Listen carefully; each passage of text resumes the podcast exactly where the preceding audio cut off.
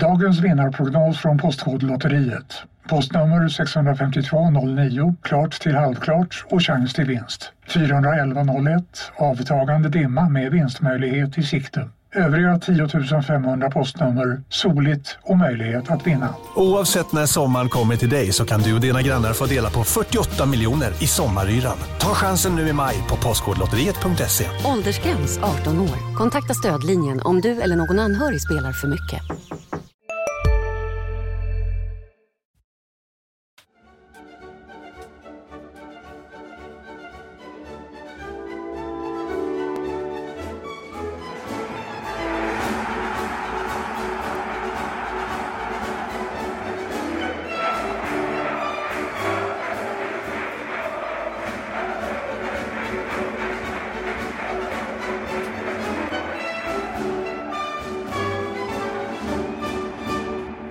Sommaren har kommit till Skåne. Det prunkar i eh, bland träd och mark och hettan infann sig även inom den skånska fotbollen i mitten av maj när det var Skånederby. Thomas Nilsson heter jag, Marian Svab, Mattias Hjelm. Visst var det väl den hetaste matchen på skånsk mark, Boys HF, i år? Ja, men det var det var väl första gången det riktigt hettade till denna våren när skånsk fotboll har varit lite sådär halvsval kan man väl säga. Eh, men jag är också lite glad för att eh, du Thomas Nilsson är programledare igen eftersom jag är inte den där skeppartypen. Jag tyckte du gjorde det med den äran senast när ni, eh, det var väl Hjelm Svab och unga herr Persson som var här då Hjelm? Stämmer, helt riktigt. Och du som är gammal programledare, skötte han sig? Tycker jag absolut han gjorde, definitivt. Det var inte mycket att, att tvivla och tveka på där. Det klarar han av att hoppa in flera gånger i den rollen. Men jag vill också kommentera den matchen, för jag tyckte det var jätteroligt att vara på plats och se Landskrona Boys, Helsingborgs IF. Alltså det första derbyt dem emellan i seriesammanhang på nästan 13 år. Och senast det var på IP, om vi går bakåt så i tiden, så var det ett galet derby. Det här blev ju inte det galna målderbyt, men det hände mycket i derbyt. Och det som också var väldigt skönt och glädjande var att det som hände i klackarna. Det fanns en flagga det stod Hata HIF på i Hata Helsingborg. Hata Helsingborg i, i, um, i Boysklacken. Och HIF-klacken tände bengaler i början av andra halvlek. Det var väl det enda som egentligen, egentligen hände som inte kanske ska vara där då. Men i övrigt skötte ju klackarna jättebra. Det blev den här fotbollsfesten, vilket jag tyckte var härligt. Ja, men det var en, jag tyckte det var en fantastisk in, inramning från eh, eh vi vet ju hur HIF-klacken har börjat låta de, de senaste åren, framförallt på hemmaplan med lyxen med den ståplatsen, men även på, även på bortaplan. Men gamla engelska läktaren som den kallas, eh, ståplatsläktaren på, eh, nere på IP, eh, det var som i, i gamla dagar, för det har man inte sett på många, eller hört på många, många år. Häftig upplevelse tyckte jag. Jag var ju inte på plats ju, utan bevittnade det hela framför skärmen där hemma. Eh, av olika anledningar. Men jag blev eh, mest glad för, för att vi har två stycken lag i vårt bevakningsområde som det kommer låta talas om, tror jag faktiskt, hela vägen ut eh, bort i hösten i 30 omgångar. Det känns inte som att något av lagen eh, är mellanmjölk om man tittar på narrativet. Det kommer hända grejer längs med vägen här i båda klubbar. Eh, det kommer nog inte vara många döda punkter här under säsongen. Och det, det var den känslan jag, jag gick ifrån derbyt med. Att, det, och då, då pratar vi alltså att de ska ha med någonting att göra? Ja, absolut. Alltså he, hela berättelsen kring klubbarna tycker jag, hela den här säsongen. Det kommer ju inte vara några, så att säga, ja, något, någonting som skvalpar där kanske i mitten. Det kanske man kommer att göra va? men det kommer alltid hända någonting och klubbar. Det kommer alltid finnas någonting att skriva och berätta om de här liksom. Så, så pass, de har ju, det finns ju mycket detaljer som vi kan återkomma till och så va? som ni redan föredömligt eh, höll på säga, jabbade upp efteråt. Men där finns ju både eh, tränare, spelarprofiler, karaktärer Eh, och framförallt så eh, tycker jag ändå att båda lagen eh, utifrån det jag såg eh, försökte spela en sorts fotboll som ska bli intressant att följa framöver. Och eh, den fotbollen ledde till 1-0, eller 0-1 eh, mål Helsingborgs IF i 81 minuten. Va? Eh, Mattias Almeida, inhopparen, eh, skickar fram en boll till eh, André Bjarnason som påpassligt eh, Eh, placerar på sitt eget maner som vi har, vi har sett den här typen av mål tidigare. In 1-0, var det över där? Nej, vi som har varit med och sett eh, en hel del derbyn eh, mellan HF och eh, Landskrona vet nej det här är ju inte över på långa vägar. Och det var det ju inte. Det var ju 10 minuter kvar att spela på. 12, eh, efter, två minuter efter de 10 minuterna de var kvar att spela på, som jag nyss sa fel, så, eh, eh, så kommer Karim Sadat va? Ja, eller Sadat Karim, hur, Sadat vi nu ska Karim. ut, hur vi nu ska säga det där namnet. Det där är ju en, det där är ju en fars på sitt sätt att vi inte kan reda ut det där. Vi har försökt reda ut det. Men skitsamma, Karim Sadat, Sadat Karim, båda funkar. I, I Ghana ska han tydligen heta Karim Sadat och i Sverige heter han Sadat Karim och, i Och- fotbollförbundet heter han Sadat Karim. Och eh, matchen spelades i Landskrona som ligger i Sverige. Det var alltså Sadat Karim som nickade in 1-1 i eh, 94 92. 92 minuten. 92. 92 minuten. Eh, och det blev ju liksom den där svängiga avslutningen. Man vet aldrig var det slutar förrän det slutar och knappt då när det är, när det är derbyn. Det var ju 1-1. löjligt nära att eh, Boys också hade avgjort ju. Ja. Sean Ugo Okoli precis där i slutet när han får ett jättebra nickläge. Men han var väl förmodligen inte uppvärmd vare sig med fötter eller huvud för att placera den rätt. Men totalt sett så är det ju Boys derby. Det Eh, är så det. ärligt får man vara faktiskt. Det är det.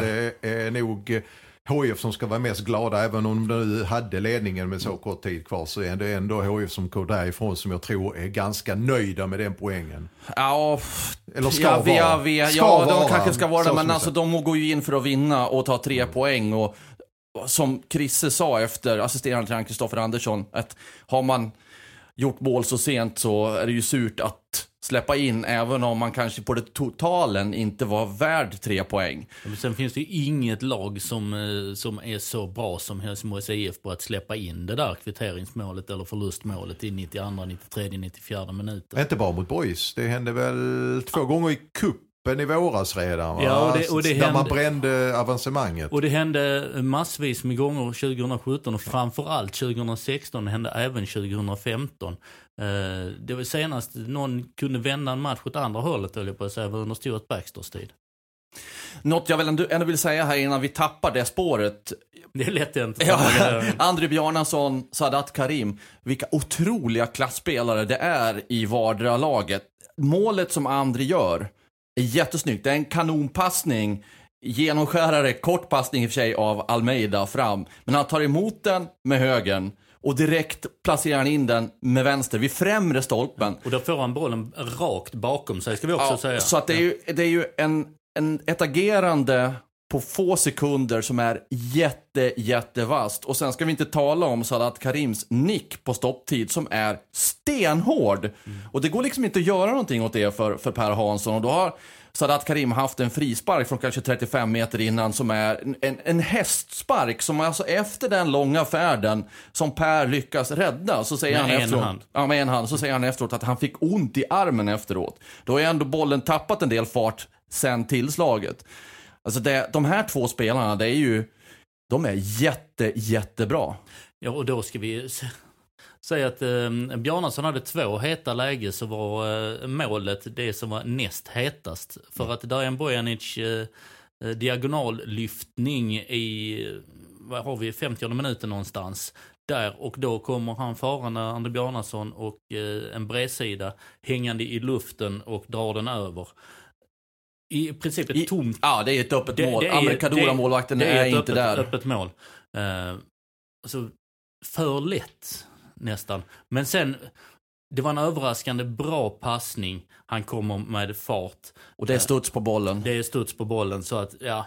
Det, det var ju inte så enkelt som det såg ut. Men eh, han har sina lägen och det tyder på att han står på rätt plats också. Mm. Men ni snackar om att Per bara eh, räddade en frisparken. Ja, det gjorde han. Jag skulle nog vilja gå så långt som att han räddar poängen åt HIF. För det var lite grann den gamle Per Hansson från eh, guldåren som man såg eh, i den här matchen.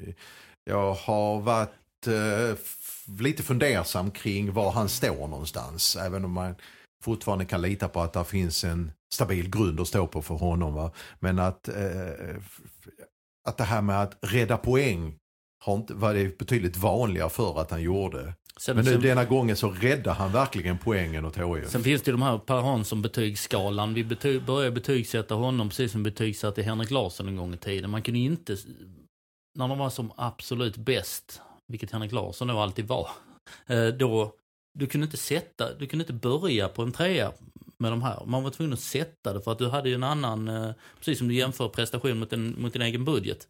Eh, därför fick bara Per Hansson en trea i betyg. Han skulle haft en, haft en fyra. Sen är det liksom, vi sätter ju de här betygen mest för... Eh, eh, eh, och det tar, det tar liksom, vi har eh, 25 sekunder på oss att sätta dem ungefär och det är bara... Och, precis. Ba- bara är något kul att snacka. Exakt, jag ska också gå emot Marian lite grann här nu. Därför att jag går inte riktigt så långt att säga att Per räddade poängen. Först och främst, den räddningen var jättebra, men Per sa också att han var inte beredd på att Sadat Karim skulle dra den så. Det är jättelångt avstånd. Så hade han haft det, den bilden i huvudet innan att det här kan gå vad som helst så hade kanske inte den räddningen blivit så svår. Dessutom hade inte han så många räddningar i övrigt som man behövde göra. Boys brände många, många chanser. Så jag tycker, jag tycker nog att en trea är rätt betyg på Per Hansson. Plus att jag har inte varit fundersam på vad håller han för klass? Per är seriens bästa målvakt, tror jag. Kanske att den här killen i, i AFC Eskilstuna är där och konkurrerar också. Men ja, eh, dessutom vill jag lyfta fram den andra målvakten i derbyt, nämligen Amir Kadura i Landskrona Boys, som jag tycker var den som behövde göra fler vassa räddningar, vilket han gjorde. Eh, så i den här matchen fick Amir Kadura jobba mer än Per Hansson. Ja, då säger vi väl 1-1 i den debatten också. Så lägger jag mig inte i. vad, eh, vad säger ni pojkar? Ska vi, eh, har vi städat av derbyt? Ja, inte Ja, riktigt än. Inte kanske. riktigt? Ja, jag, Nej, jag vet inte. Nej. Jag, eh, ehm, jag eh, blev lite grann konfunderad. Nu såg jag inte, utan jag har bara fått det återberättat av er. Så jag får ju lita på er. Eh, jag, miss, jag kom in ungefär i, någonstans kring när Abu Bakari tvingades kliva av. någon 25 minut. minuter. Ja, där kle- klev jag in i derbyt. Och om jag har förstått det på er så var det HIF som eh, startade, eh, rivstartade och hade de första fem, tio minuterna. Ja, jag, I mitt block så skrev jag första 10 till HIF, andra 10 till Boys. Sen så skrev jag inte vidare på de här 10 minuters sjoken. Men där, eh, där någonstans ligger det och då har eh, HIF har väl något skott med Rasmus Rosenqvist som Amrikadora. Eh, Vippa i ribban. ja, Men har- alltså har- spelmässigt så tar ju Boys över. Ja, Och det är det och sen som... de, det är, eh, under den här 10 minuters perioden så tror jag att Boys har tre hörnor. Den som tillhör HIF. Mm. Så att det händer ju grejer åt andra hållet också. Sen tar Boys eh, spel, spelmässigt över. För Och det hände exakt samma mot Gais. Eh, HIF rivstartar fullständigt liksom alltså forsar över Gais första fem minuterna, gör 1-0. Och då kan man säga så, ja men eh, då kanske det räcker med att spela 10 minuter, eh, alltså 10 minuter bra här, 10 minuter bra där i serien liksom. Och för HIF har ju ändå trots allt fått med sig fyra poäng från de här två matcherna. Fast egentligen motståndarna har spelmässigt över hela matchen varit bättre. Ja, Jaha, men då, jag tror att sånt här, jag tror inte man kan lita på det i långa loppet. Att förlita sig på att ja, det räcker att vi är bra 10, en kvart per match. Ja, nej, jag, jag, jag skulle nog vilja mildra det lite grann. Skulle inte säga att, i mi, mina ögon sett, skulle jag inte säga att HIF rivstartade och var 90% och Boys 10%. Nej, det var ju- jag tycker, det var att, jag tycker liksom- att HIF var bättre första 10, men det var ingen milsvid skillnad mellan lagen. Ja, men du jämför med det typ, eh, vad sa du, Gais Gais. Och, och sen Eller Ö- Öster. Ja, det, Öster det, det är en helt annan sak. Det, det, det, det går inte att jämföra. Nej, Men det, äh, summa Starkare, starkare start, starkare start. mer än rivstart. Mm. summa summarum är ju att jag- jag tror ändå att HIF eh, behöver ha längre sammanhållande matchsekvenser, perioder. Där man för matcherna och inte bara släpper eller liksom bromsar in. Men det är ju, fort- alltså fotboll är ju, jag brukar säga att fotboll är enkelt, men det är inte riktigt så enkelt heller. För att det finns ju en motståndare, det finns ett lag på andra sidan. Och det väcker kanske en fråga om, är HIF så pass bra att man ska dominera varenda Nej, match. inte dominera. Där, där, där är jag med. Och det, det, det, Kontrollera. hävdar jag inte. Men det får ju inte vara sådana jättedippar. Så att, det, är liksom att man går ner sig helt. Från att ha varit uppe på en nivå där man faktiskt har kanske dominerat stundtals. Och under ett par minuter. Och sen går det 20-25 minuters sjok där man dippar enormt. Det är ju det som jag vänder mig. Jag tar Gais-matchen igen, alltså resten efter 1-0 målet. Jag vet inte vad som händer där riktigt grann mer än att HF bara sätter sig och överlåter initiativet och där blir ju dippen. Jag tycker nog att dippen är djupare i Gais där än vad den är mot Boys. Det är samma sak där. Jag tycker inte att Boys tar över på det sättet efter första tio. Att det det är de som totalt äger matchen helt och hållet. Det är lite, det, det, är, det är en jämn match där Boys är i förarsätet i stora delar av matchen. Men det är inte så att, att HIF är nere i gruvan och gräver. Om vi nu ska titta på, på slutet av matchen. Eh, för det ska sättas på coachningsfrågetecken eller genomförandefrågetecken. Efter målet, ett par minuter efter eh, Bjarnasons eh, ledningsmål, så plockar du in en femte back. Max Svensson som kom in i 25, eh, han får gå ut igen va? Ja, han byts ut. Han byts ut. In kommer eh, Kalle Thulin, eh, coming man mittback. De kör på en fembackslinje. Och det går åt pipan. Om vi nu, ja, ja, de, ja, de förlorar ju de förlorar två poäng på detta. Och detta har vi sett förr. Att det har plockats in femtebackar. Du ska stänga matchen. Framförallt sista året i Allsvenskan, om jag inte rättar mig om jag har fel eller ni minns bättre än mig. Men är det att är det en taktikblunder att man ställer om ett spel? Eller att, att man gör, vad fasen ska vi göra nu? Oj, nu hänger vi på gärdsgården här. Vad ska vi göra? Ja, in med en femteback, stäng, mur upp en mur, gör vad tusan som helst. Och, och då försvinner liksom tanken, det man har övat på i veckorna, det som ska sitta i ryggmärgen. Är det så? Du kan göra det, som en signal om du har en trupp som har ett väldigt gott självförtroende. Som har den här känslan av att, nej men, eh, jag tänker på det, detta gjorde faktiskt P.O. Jung tillsammans med Conny Karlsson rätt ofta. Bland annat i en premiär i Mjällby. Ja, då är vi Där- tillbaka i 2011. Ja, och där plockade in, men där hade du en trupp som verkligen kände att vi kan städa av den här matchen. Nu tar vi in en femte back och så stänger vi det här. Va? Och det var, alla hade den känslan. Men jag är inte säker på att den här HF-truppen har den känslan på grund av det du Thomas var inne på. att man har tappat i slutskedet så många år i rad matcher här. Och då tycker jag att mm, Så, så signalen blir istället på att man skickar in, nu skickar vi in en femteback för att vi fyra här, vi är inte, vi är inte karlar nog att reda detta själv. lite grann in i det jag ville eh, säga. Precis. Ja, jag, jag Jag att- säger inte att man behöver gå för ett andra mål eller för 2-0 målet här ute i derby. Jag kan tänka mycket väl känna liksom att ja, men man gör rätt. Men jag Hej, Synoptik här. Visste du att solens UV-strålar kan vara skadliga och åldra dina ögon i förtid? Kom in till oss så hjälper vi dig att hitta rätt solglasögon som skyddar dina ögon. Välkommen till Synoptik. Finns det något bättre än riktigt gott färskmalet kaffe på morgonen? Det skulle väl vara en McToast med rökt skinka och smältost. Och nu får du båda för bara 30 kronor. Välkommen till McDonalds. Vet inte om den här truppen klarar av med liksom den signalen som kommer in med en femte back. Liksom. Ja. Det är lite det jag säger som Adrian Gashi. Kör med samma folk men bara bestämmer vad vi ska göra. Lite Ska så. vi ditåt eller ska vi ditåt så gör vi det. Ja. Det så. För att vi har ju lika många ben. Så, men jag, jag håller med dig. Jag tror att det är en signal som skickar till att rädda det som räddas kan. Mm. Det är nästan du, du sätter en gubbe i livbåten på, på något sätt. Hur, hur är dina tankar? Alltså, ja, jag funderar fram och tillbaka samtidigt som jag lyssnar på er här. Och jag, jag funderar på om det kan handla om rent organisatoriskt. Att spelare som är inne i det vet vad de ska göra. Sen kommer det in en ny spelare, får givetvis instruktioner. Det här är din uppgift. Men är kanske inte inne i spelet på det sättet och vet inte exakt hur den spelaren man då ska ta rör sig, rörelsemönstret på sådana saker. Det Mm. Precis. tänker jag kan vara problem. det är det jag menar, övat på i veckorna och hela den här strukturen. Jag, man kan tänka en parallell här om vi går till den andra stora sporten hockey. Eller ja, någon, någon typ av de sporterna, innebandy, när de får powerplay, okej. Så har, får de kanske fem mot tre. Ja men varför tar de inte ut målvakten i slutet och spelar sex mot tre? Om det är ett sånt läge. Eller fem mot fyra och spelar sex mot fyra. Ibland gör man inte alltid det.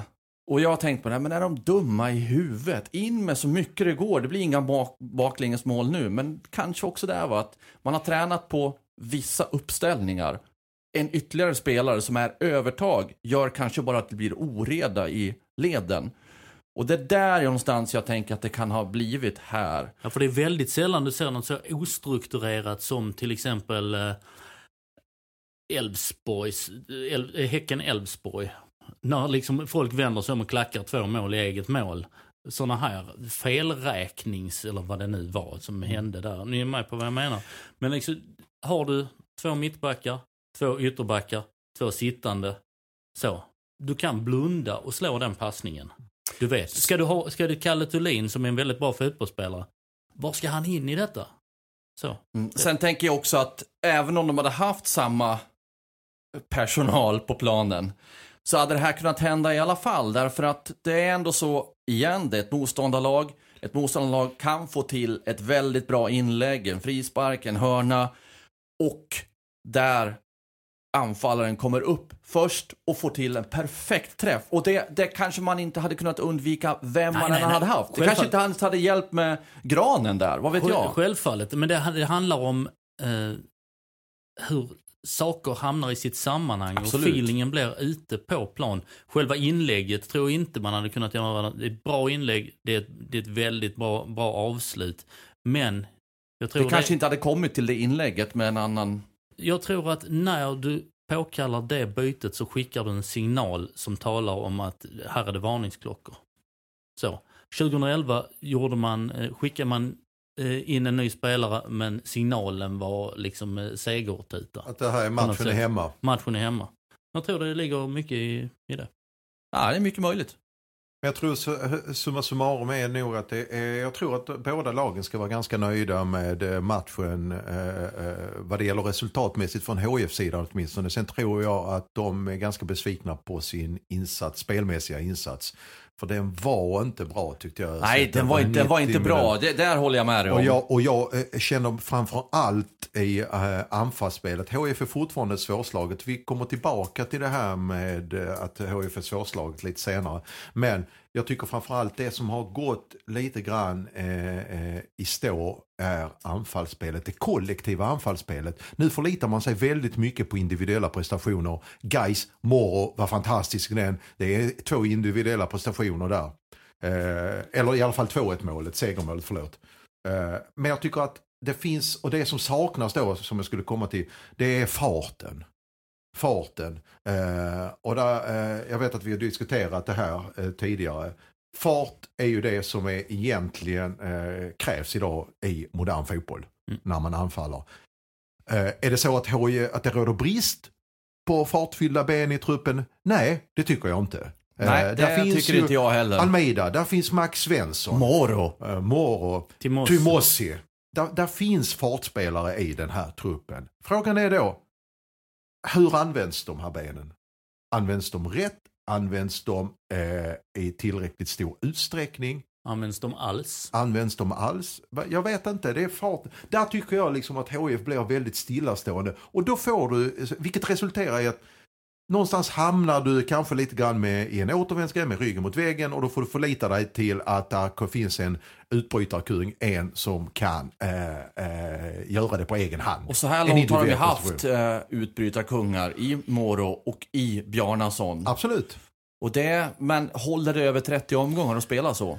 Eh, nej, det håller inte över 30 omgångar att spela så och förlita sig på till exempel en ytter eller som Moro som nu var, eh, var en av anfallarna i någon typ av eh, 4-4-2.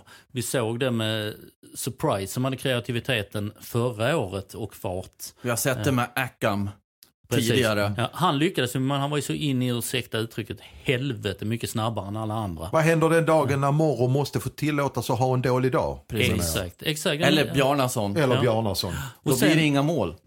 Tittar man nu, den största kreatören på planen är ju i Bojanic. rödblått. Precis, annars skulle jag säga Nalic är en eh, som också skulle kunna Ja, vara det, Ja, det är det. Men eh, Bojanic.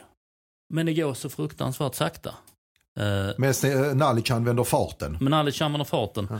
Men eh, du, du har ju, han, han blixtrar till. Han har ju den här passningen som vi diskuterade innan upp till, till Bjarnason som han, han bränner över. Fantastisk passning. Han har ju sina små instick, men när bollen hamnar hos honom och han inte löper, då tvingas det ju de fartfyllda spelarna, eller inte tvingas, men ni är med på lite hur jag tänker. Även, Absolut. även spelare med fart använder inte sin fart för att den är inte till någon nytta. Är ni med? Men är det, nu ska, då ska jag ställa en fråga till. Är det Bojanic fel enkom att det inte går fortare? Nu tänker jag på en, en parallell här. Vad hände när Astrid Ajdarevic kom till HIF? Som också var en kreatör. Som funkar, funkat i princip överallt där han har varit. Men så kom han till HIF och funkar inte alls.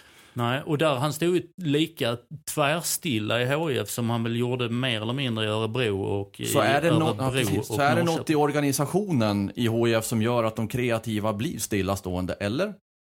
Det är ju det är tre år sedan han var här eller vad det nu är och Jag kommer inte ihåg vad han hade för spelare runt omkring sig. För det är lite grann avgörande det. mm. Eh, ja, eh, alltså, eh, Nej men han, oj vad jag stakar mig. Äh, Astrid Ajdarevic, han drog ner farten något otroligt. Och det är ju egentligen inte han. Han är väl inte någon blixt så, men, men så sakta spelar har han ju inte spelat i övrigt. Nej.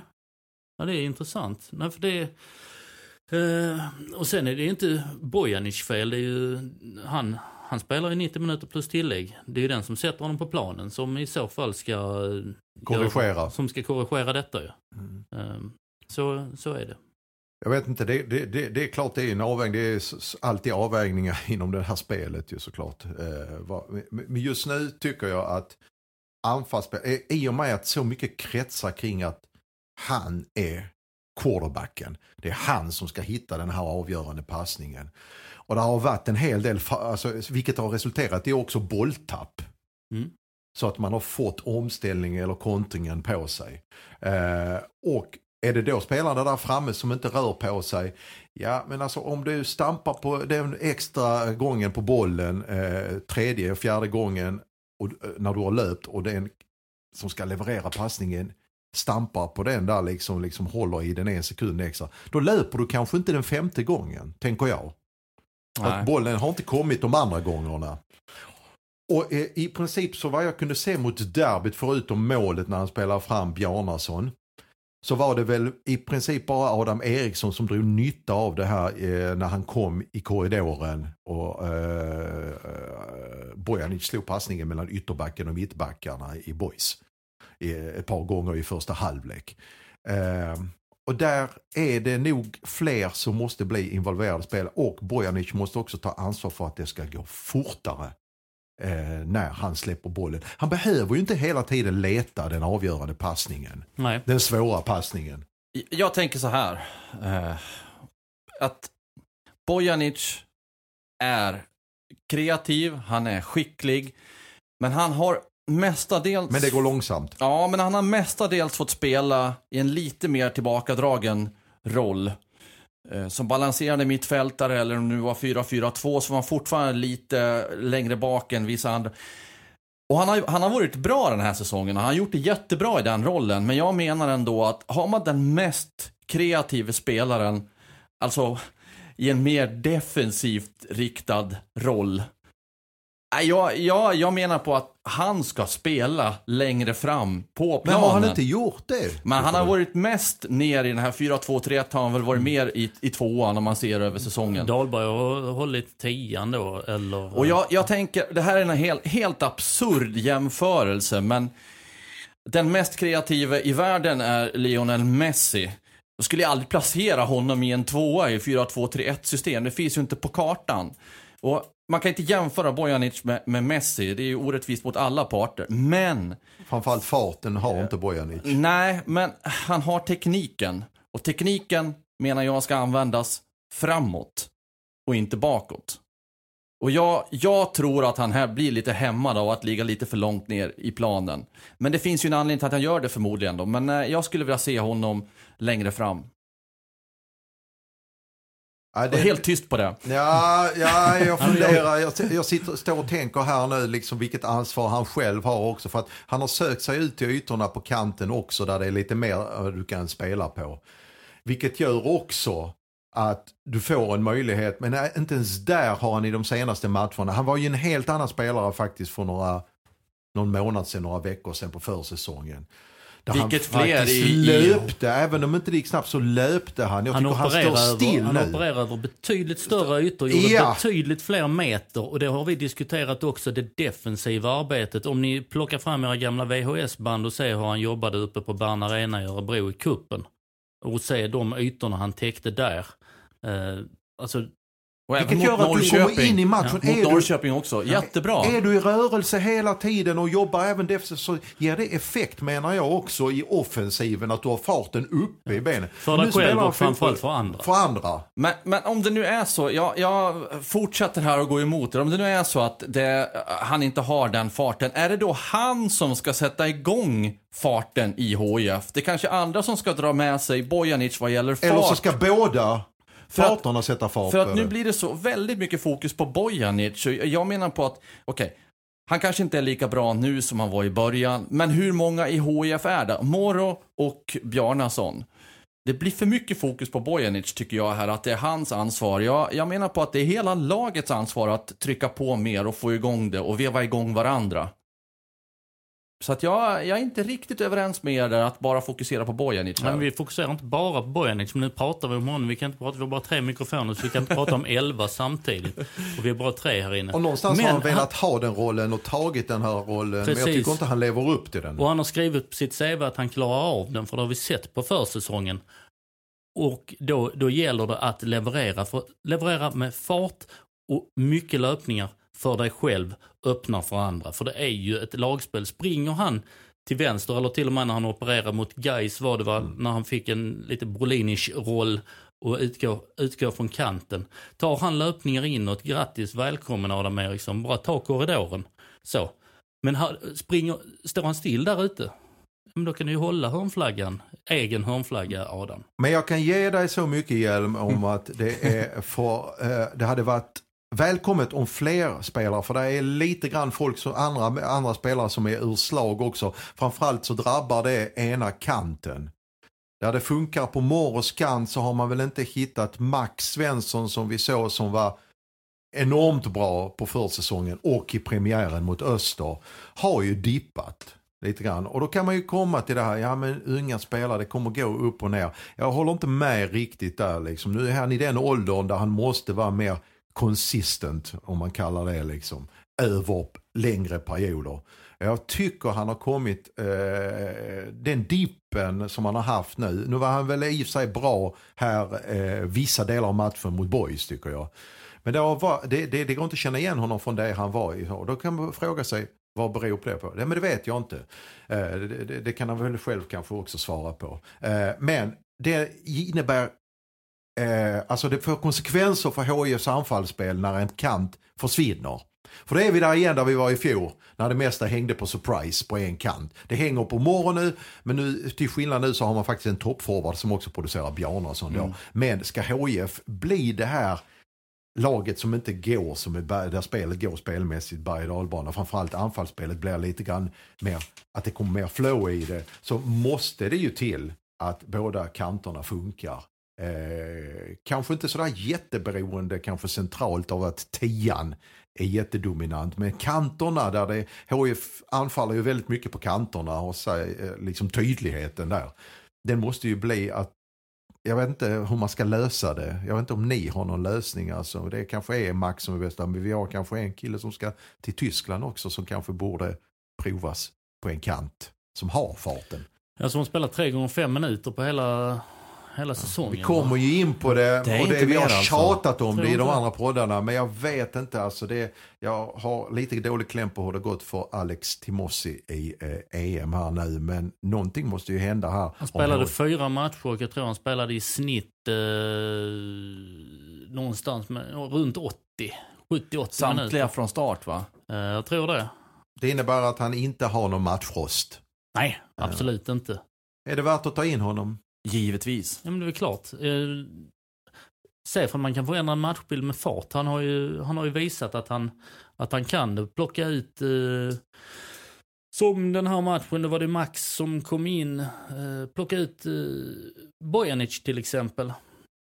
Eh, och eh, sätt in eh, Langren och sedan Rosenqvist som börjar på en kant. Langren, Rosenqvist sittande och har Max och eh, Timossi Om inte Abubakari kan vill säga. Kant. Ja, men nu, jag tittar, jag har Ja. derbyt som lite, Ja. lite mall. Ja, okej. Men om inte, om du tar mot ÖIS nu till exempel. Mm. Ja men kör Max och eh, 4-2-3-1. Mm. Landgren, Abubakari sittande. Max, eh, förlåt nu nu måste jag hitta Moro. Just det. Moro och Timossi på varsin kant. Moro och Timosse på varsin kant. Så. Darjan tian. Bjarnason. Mm. Skulle det kunna vara något? Ja, jag ställer upp på det. Den Ja. köper jag rakt Ja. upp och ner. Jag tycker att vi avrundar där för tillfället och eh, säger tack för nu i detta som vi kan kalla del 1 av HF-podden den här veckan.